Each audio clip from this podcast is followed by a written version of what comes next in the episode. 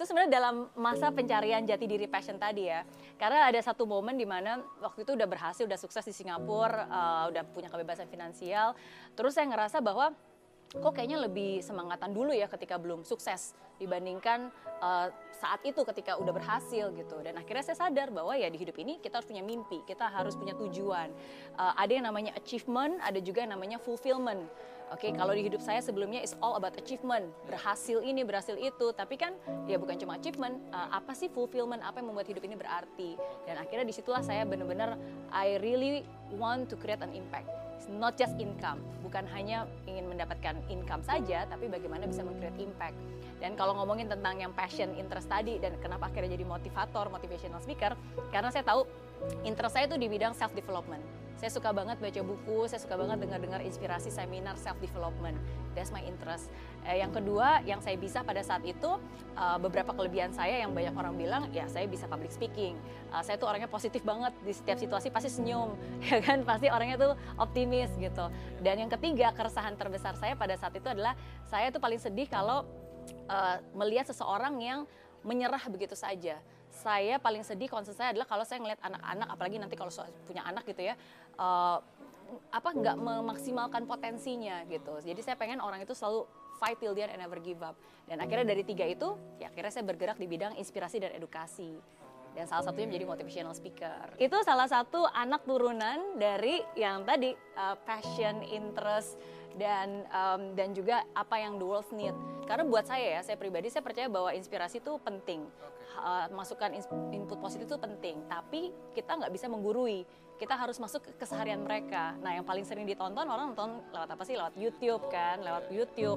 Nah, akhirnya saya pikir daripada saya resah, kenapa nggak saya bikin sesuatu yang positif di YouTube?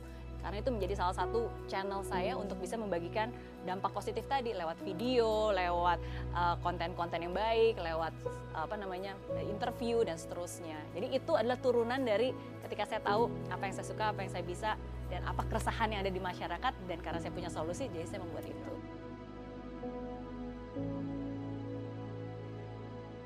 Impact itu ada sesuatu yang berdampak. Oke, okay? berdampak itu bukan berarti harus kayak berdampak ke jutaan orang, enggak.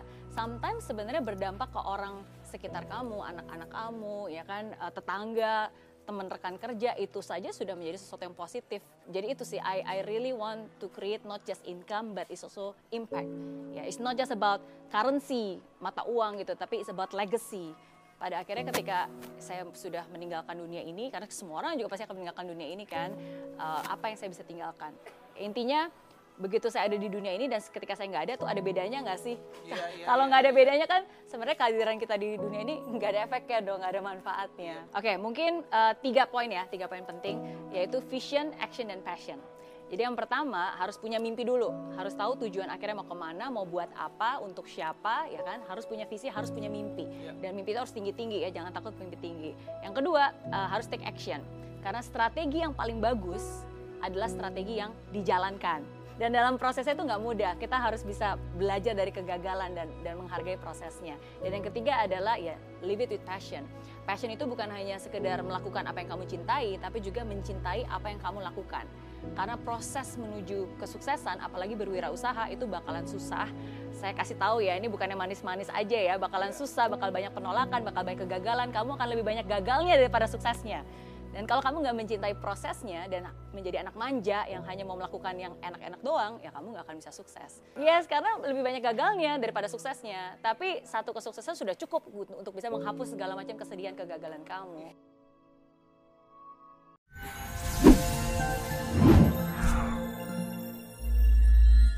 Di aplikasi Mary Riana tersedia lengkap video-video YouTube terbaru saya, artikel yang up to date, post inspirasi, koleksi merchandise, workshop dan seminar yang bisa kamu dapatkan free dan download sekarang juga gratis.